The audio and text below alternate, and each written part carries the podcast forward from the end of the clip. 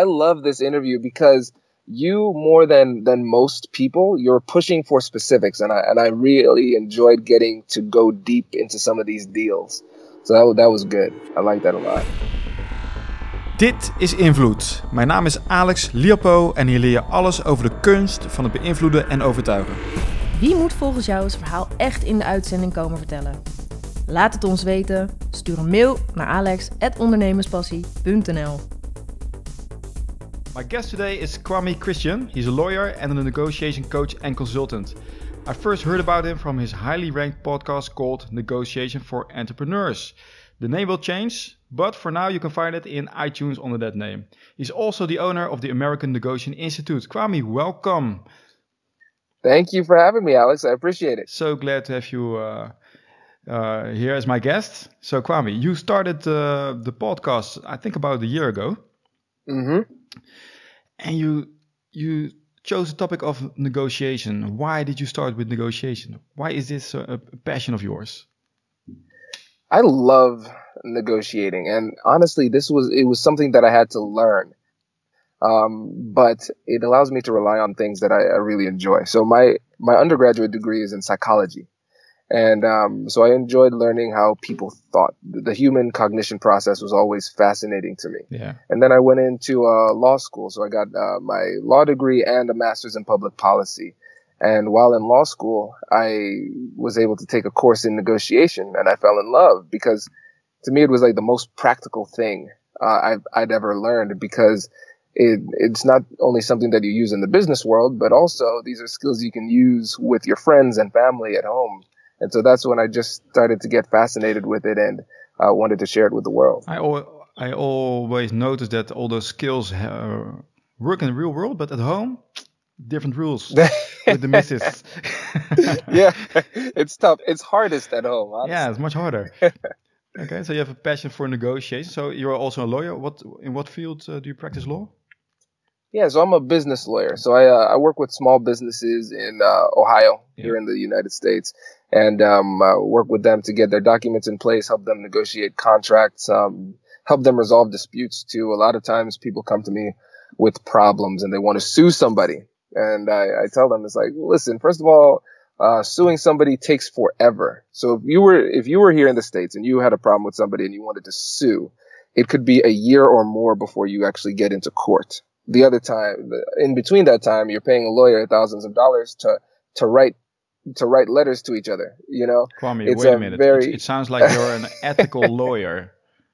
yeah i tell you i think it's, it's a little bit of both uh, because i i didn't I, I always told him i was like i don't want to just take your money if i don't think i'm going to be productive and I, also i don't like going to court anyway so i was like if you want to if you really want to sue somebody you're going to have to find somebody else because i'm not a i'm a lover not a hater but then you say, but, but Kwame, what, what can you do? And then you say, I have a different approach. Mm-hmm. Yeah, because what ends up happening is about 95% of cases end up end up se- settling anyways. So instead of going through this uh, this court system route where we have to draft motions and keep in contact with the court and waste a lot of time and then eventually negotiate and settle a deal, why don't we just settle it from the beginning and save everybody some time so we can get on with our lives? So settling, what does that mean exactly? Oh, yes, sorry. So when a case, so imagine if you're going to court, um, you have a case and uh, we're determining who's going to win. It's either team A wins or team B wins. Yeah. Well, what happens is a lot of neither team really wants to go to court because it's a gamble. Yeah. You never know which way the, the court's going to go. So they the term for a negotiated agreement in law is settling. So you uh, you reach a settlement agreement with the other side, uh, where you give a little bit of something, they give a little bit of something, and then uh, you decide to lay down your arms and avoid war. Okay, so in court, the settlement is not uh, by the the judge. This is something you the parties agree upon by themselves. Exactly. So you sometimes the judge, the might. Yeah. Yeah, you, you typically do it without a judge. Okay. Uh, Sometimes sometimes it's a case where the judge needs to okay the settlement and, and look at it and make sure it's fair.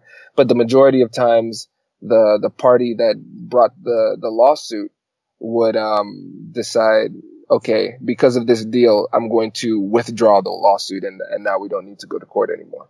So, when you give them this option, they say, "Oh, great! It it saves us time and money." Mm-hmm. So they. Yep. Okay. So how do you start? Do you have maybe an uh, I like concrete examples of an uh, of a business you help? You don't have to name any names. Right. Let's What, what's a typical see. problem that they come to you say, "We need your help. Oh, you- to sue." Yeah, here's an example. Um, one time my client was uh, leaving a, a location. She she ha- was renting a location and she was moving to a different one, and she was um, foreign, so her English was not that great. So when she signed the lease, she didn't understand it completely. So I came in after the fact, and it turned out she had to pay um, a few thousand dollars for this environmental survey after she left because of the type of business that, that she had. But she didn't have that much money on her at the time. So the the landlord was saying, "Well, I'm going to sue you because you owe me this money," and she just did not have the money at the time. And so there were we have two options. It's either we try and find money, maybe get a credit card or something to pay, or they go to court. Those, those, that's what it seemed like the options were. Um, but then I approached them and said, "Well, you know, we you're going to spend a few thousand dollars on a lawyer anyway to try and get this from us. Why don't we try to come together and make a deal?" So can you tell us So what the amount instead- was for the? Yeah. So the uh, it was about twenty five hundred dollars. So two thousand five hundred dollars. Um, they wanted it lump sum. Yeah. And um, I don't know if you remember this episode where I had uh, Chris Voss, the hostage negotiator. Never split the difference. Uh, I'm trying to get him on the show as well. Oh yeah, he's great. I, Yeah. yeah, we'll, we'll chat afterwards. I'll give you some. Uh, maybe I'll make an intro. Awesome. Um, but uh, yeah, he. I used one of his techniques. Um, one of his ways to say no was simply saying, "How am I supposed to do that?" Yeah. So it registers psychologically to the other side as a no, but you seem nicer because you're not just rejecting their options. And he also kind of encouraged me to be a little bit more aggressive. And so I said, my opening offer was zero. I was like, all right, we don't have any money. Um, let's, how about we just wait until she gets the money, then we pay. So essentially my offer was zero. I knew she was not going to go for that, but I wanted to anchor her at a low number. And so she said no. And, um, so I wanted to get a counter from her. I didn't want to just negotiate against myself. So the term negotiating against myself means that I made an offer, they rejected the offer, and then I make a I come closer to them by making another option. Yeah. Offer. Um, it needs to be like a dance. Now it's your turn. And so because I anchored low, um, she was thinking about low numbers. And shockingly, I to this day I can't believe she agreed to this, but she said she countered with twenty five dollars a month. She's like, yeah, as long, if you if you pay twenty five dollars a month, um, we'll we'll go ahead and do that. And I I told her I was like, well, you know, I think my client can handle that. Hey, this is where you made the mistake. right. no, no, no. It's too high. I should have gone lower. Yeah. I was like 13 and a half. but um, but yeah, it, it was surprising. But it, it's a simple example of uh, typically an attorney in that case would say, "All right, well, we're going to have to go to court and we're going to try and beat this." But I knew it was a situation we were clearly in the wrong. We owed this money. Um, it's so it's not a, a clear black and white situation. Let's try and work together to figure out a deal where we both get what we want without having to go to war to get it. So how much time did you spend on that one? Oh, that was that was shockingly fast. I spent a lot of time preparing for it. Um, I spent probably about 30, 40 minutes pre- preparing for it, and that call was like less than five minutes. Shocking, shocking. Um, so that Thanks was an example Voss. of a, a win. Yeah. Exactly. I need to I need to give him a commission check for yeah. that. Yeah. So one of his things is like you don't want to say a no. eh, You don't want to say uh, no. I can't do it because then you get uh, you're going to fight against the other person or Mhm. the other person wants to be right. So if you say, "Eh, "How am I supposed to do that?" You're essentially telling the other person, "Yes, I, I would want, I would like it, but I can't. Please help me." So the other person goes from an, uh, from a fight uh, fighting stance to uh, well, let's see what I can do for you. So you dance together. Precisely. I think Yeah, and- awesome and the cool thing is- Oh, go ahead. Sorry. No, I think? I think it's awesome that you you put it into practice right away. yeah. Very and cool. I think that's that's one of the coolest things for me with the podcast is that in a lot of these circumstances, I'm learning along with the audience. Yep. Uh, because this is one of the negotiation and persuasion. These are those types of skills where there's no such thing as perfect knowledge. you're constantly getting better. And so whenever I, I learn a new technique, I want to try and utilize it as quickly as possible. Um, so I could put my own spin on it. And then, um, if it works really well, bring it back to the audience, um, in a, in a podcast episode. So what are some other things that stood out, uh, that you learned from the podcast? Uh, because you had a lot of great guests on. So I uh, mm-hmm. encourage everybody to uh, to listen to the podcast. But what are some Thank other you. things that you uh, that you've learned? one of the biggest things was the power of questions. And I, that's one of my favorite techniques. When I, I use an inquisitive approach to negotiation. And so when I negotiate, my goal is to keep the breakdown of communication about 70 30, where the other side is speaking uh, 70% of the time and I'm only speaking 30% of the time, because this guarantees that this shows me that I'm asking great questions and I'm getting great information too. Um, and I was surprised to see how many other practitioners use that as their base. Um, people who are in leadership positions use that as a management tool, asking questions. Uh, they they lead through curiosity. Uh, salespeople they ask great questions to learn more about their their target, their prospect, so they can uh, tailor their the, what they say around the specific needs of the person that they're trying to sell to. And then, of course, with negotiation, um, it's it's an information game. The more information I have, the more relative power I have in the negotiation. And so typically in the first con sometimes even in the first conversation, I'm not proposing anything. I just go in, in there with the goal of learning more about the other side by asking really great open-ended questions. So do you also um, help? I think I saw it on your LinkedIn profile. Uh, startups with negotiating uh, deals for uh, maybe like uh, investors for mm-hmm. a piece of a piece of the company. Do you also do that?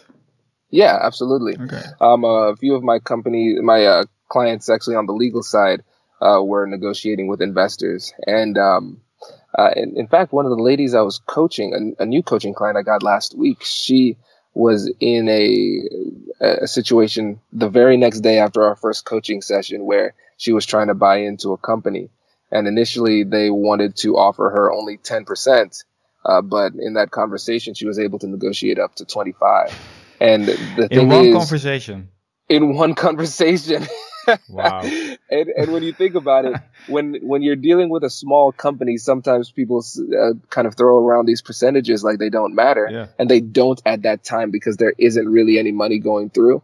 But let's say at the end of the year you have a hundred thousand dollars in profits now we're talking about the difference between ten thousand dollars versus twenty five thousand dollars, which is significant. that's I think that's a, that's an amazing uh, amazing one, but a typical one. Do you also have? Um, I'm I'm curious for the on the side of not the investor, but on the side of the maybe the company or the startup. Mm-hmm. so on the side, yeah. Um, actually, there was uh, one of my clients is a really cool company. He's uh, starting a gaming uh, company um, in in Ohio uh, where you come in and you actually play the games and you can play competitively and things like that. It's really cool. And so they were thinking about bringing in investors. And so um, the initial, I can't remember the numbers. This was last year, but the numbers in that situation, they didn't move as much. But what we were able to do was clarify the roles because initially we thought that people were just coming in as investors, just bringing money to the table. And so we were determining determining their value just based on what they could bring as far as money goes. But through the conversation, we learned that their intention wasn't only to just provide money; they also wanted to provide guidance because they had a lot of experience. And the fact that they were not just bringing capital, but also contributing um, with their intellect and actually some sweat equity.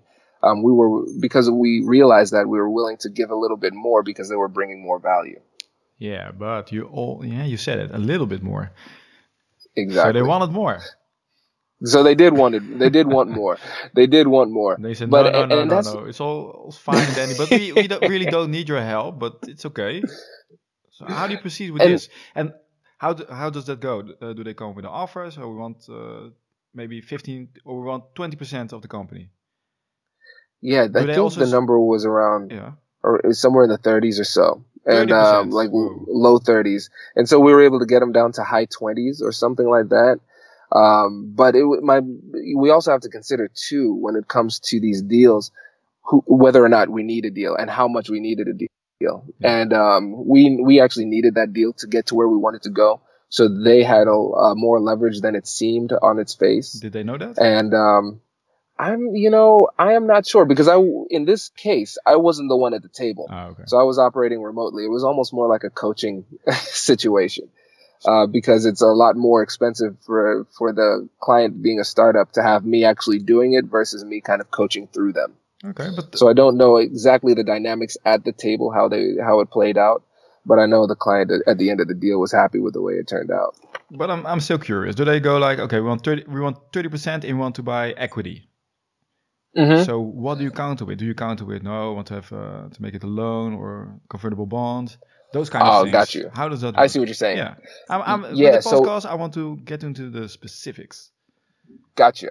So in this case, uh, what we talked about was whether or not some of the the bargaining chips were um, what percentage of it would be considered a loan, what percentage of it would be considered just a straight capital contribution. Yeah. Also talking about whether the equity would be dilutable, how much of it would be dilutable. And so um, for if there are any listeners and nerds that don't know what that term in this context, it means that let's say if I have 25% of a company and then they bring in another investor, does that mean that I lose a percentage of the company in proportion to the amount that the new investor comes in? Yeah. Um, that would be dilutable stock. But if it is non-dilutable, that means that my 25% is etched in stone. So Yeah. no matter what happens, I still stay at 25. Yeah. So, so we played around with those types of numbers, and um, But how I think do we they gave do up. they give an uh, to say this is our offer hmm ahead of time? Yeah, they So they gave an offer first. so you get to see everything, countered. and then you say you, you make a plan. You say no, no, no, we can do this, we can do this. So how do you approach that? Yeah. So typically, and this this comes uh, this is one of the most important things in in negotiation is the offer. Yeah. And um, psychologically speaking, it is more beneficial to be the person making the first offer in the manner most favorable to you. And that's a term called anchoring. And so that in the example that I gave earlier, anchoring with zero was pretty aggressive Yeah. on my part, but it creates a psychological effect where I know people aren't going to deviate far from that offer. But the thing is, when it comes to who makes the first offer, that's always um, a, a touchy subject. But my rule of thumb is um, the person with the most information makes the first offer. Because think about it in terms of salary negotiation. Um, the person who has the most information is going to be the company. They know what their budget is. And so sometimes if you were to come in and make the first offer and say, I'd like $80,000 a year, and then they just say yes, you're like, they know something that I don't know. So, so maybe it waited. depends on if you want to. Uh, it depends on the situa- situation. Exactly. So in this case, you want to go in as low as possible, Mm-hmm. right? Uh, Exactly. So in this case, maybe it's better to use that, uh, uh, use the anchoring approach. Um, so you do you did that. So, but how does does that go? Is it like uh, okay, we want to make a deal, and then you you make an offer as soon as possible before they do? How does that work? I, it, I wouldn't say it's I wouldn't rush into an offer. I my thing is I like to get as much information as Yeah. possible. So like I said, I'd, I'd like to wait for the whole maybe even a whole first conversation, let it go by before making an offer. Yeah. Um, and then in in this case though, since my my my client was young and new to the business and they, he knew that this investor had a lot more experience we were willing to sit back and wait for the first offer because we knew they had more information about the market than we did. I understand. Yeah. Yeah. And so I think of an offer as information because whenever somebody makes an offer, they need to back it up with, with reasoning. Yeah. So every, every time somebody says something, they need to legitimize it um, with information. So it gave us an opportunity to get more information from them. And then once we got enough information, we were able to competently counter. So maybe you have, you uh, maybe you have an example as to let's say for the example thirty percent and you want to go down to twenty percent. Is it Mhm. as simple as you say, yeah, but I want to offer you fifteen percent, followed by reasons? Right. Is this how it works, or do you do other techniques? Gotcha. What I would say is I would get all the information that I that I need. First of all, yeah, I've said that a bunch of times. Uh, but then when it comes to my counter, I would say um, I appreciate your offer of X percent. Um, what we had in mind was blank percent because blah blah blah blah blah, I'm, and then I would justify uh, that. for the reason. Because the reason The is always reason? because I want more equity. Yeah, So- yeah, and that that's a really good point. Uh, so the term you want to remember is objective criteria, and so when I say objective criteria, I mean something that is from typically a third party source that is respected by both parties. So, for instance, if I'm buying, if it's an equity situation with a company, I would say what we had in mind was 20% equity because based on the current market standings, um, companies like ours and in this stage with this amount of revenue are going for X percent, X um, type of valuation. Yeah. So based on this, these projections, this is our valuation. And based on what you are bringing in, in, in relation to our valuation, it'll be more appropriate for you to be valued, uh, your equity stance to be valued at 20% versus 30%. And so, of course, the real reason is I want more money for myself, but you can't just come out and say that. You need to be able to say, well, this is actually reasonable in the eyes of third parties, and you bring up as much um, information and justification as you can that is outside of yourself um, in order to validate the, your counter proposal or your initial offer. And for the listeners out here, I think the investors also aim high because they know they're going to, yeah, maybe get to 20%. Right? Exactly. Exactly. it's a yeah, game. It's they're they're they're anchoring too. Yeah. You have to think about it too. They're they're doing the same type of techniques, and so um, yeah, you want to you want to make sure that you can, if you can, try and anchor first. But again, you, sometimes you might anchor too hard and uh, like be too aggressive with it, and if you do that, you lose legitimacy. And so what I say to people is that your offer, the anchor that you provide, needs to pass the because test. Yeah. And if I can't legitimately say I'm asking for what I'm asking for because of some legitimate reasons, then then you you're asking for the wrong thing and you need to adjust your offer. So is there a certain system that you use? And, you know, we all know the Harvard method. Yeah, Getting the to uh, yes, with the uh, getting oh, getting plus to yes, classic. Do you use those Yes. techniques or uh, other techniques? I use it's a mix because there because like I said there are a lot of different schools of thought when it comes to negotiation. I think the be- like the best book to start with would be Getting to Yes. Um, be- because it talks about the collaborative model, working together and not trying to be so abrasive. But as I've started to deep, dig deeper into negotiation uh, literature, there are a lot of other approaches. So when I when I go through uh, my own preparation, I have a pay uh, probably about a I think it's about five page document um, that I go through when I'm preparing. I'm I'm pretty systematic in my approach, and so uh, actually I have a freebie for the audience if they're interested. Um, it's a free negotiation guide. freebies. Nice. Okay, cool. Yes, I do. Yeah, I know. yes, I do. Yeah, so the the one I want to give to your your your folks on is the uh, preparation guide. So if you go to AmericanNegotiationInstitute.com slash prep, P-R-E-P, you can get a free guide that'll help you walk through your next negotiation.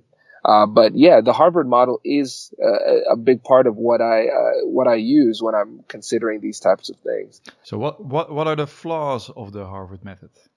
the the flaws. I wouldn't say necessarily that they're flaws. I think that there are certain things that they could have considered um, more deeply because they offer you a good framework for you to create a strategy um, but they don't in that model offer you a way to systematically go through tactics. And so in my in, the in my prep like the personal guide that i have that's really long um, I not only have the, the Harvard Harvard model, but I also have um, a list of my favorite tactics. So I can go through after creating a strategy, a generalized strategy.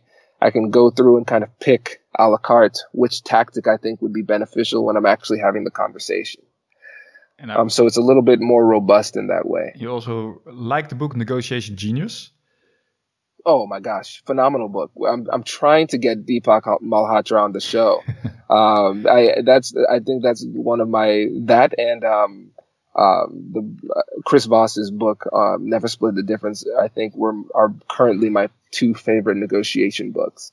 Um, Deepak's approach, um, again from the Harvard program, he, he's very he's very methodical, very strategic, and he just has an encyclopedic knowledge of of all of negotiation in the literature. But I think his his greatest strengths are in anchoring. He really breaks it down well, not only as far as how to use it, but also how to combat against it, and framing, which is the way that you encapsulate your argument.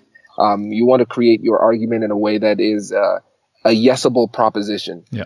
Where it's like the classic example is in politics when you have these touchy issues in, in the states like um, with abortion, whether you're pro life or pro choice both of those camps did a really great job of encapsulating their argument in a way that would make you seem ridiculous if you said if you were against it. Yeah.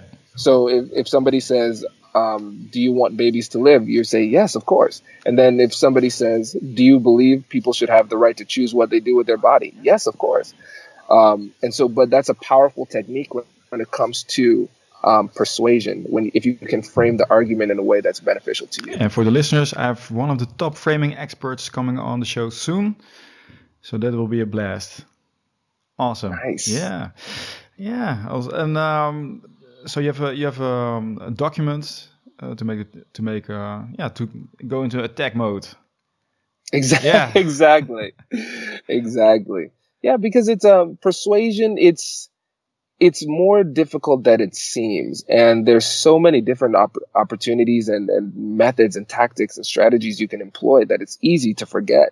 So going through in a very systematic approach helps you to make sure that you don't forget things. Right. So we're already half an hour, so it goes by really quickly.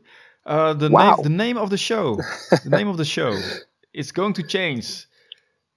Are you going to yes. spoil it yet, or do do we have to wait? I am going to spoil it here okay. on the show. On the so yeah, the podcast. the new name is Negotiate Anything, and um, Alex had a great, a great, great, great name, Negotiation Mastery. Honestly, that was my favorite one. I like that one better, but the people have spoken. People have so spoken. I, we had a we had a survey to see what the new name would be, and a lot of people chose Negotiate Anything, but Negotiate Mastery. I'm, I'm keeping that in my back my, my back the, pocket. One of your next online courses, I think.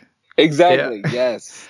so you, you, changed the name because it uh, first was a nego- negotiation for entrepreneurs, but it goes much wider or deeper than only entrepreneurs. This is for everybody. Exactly.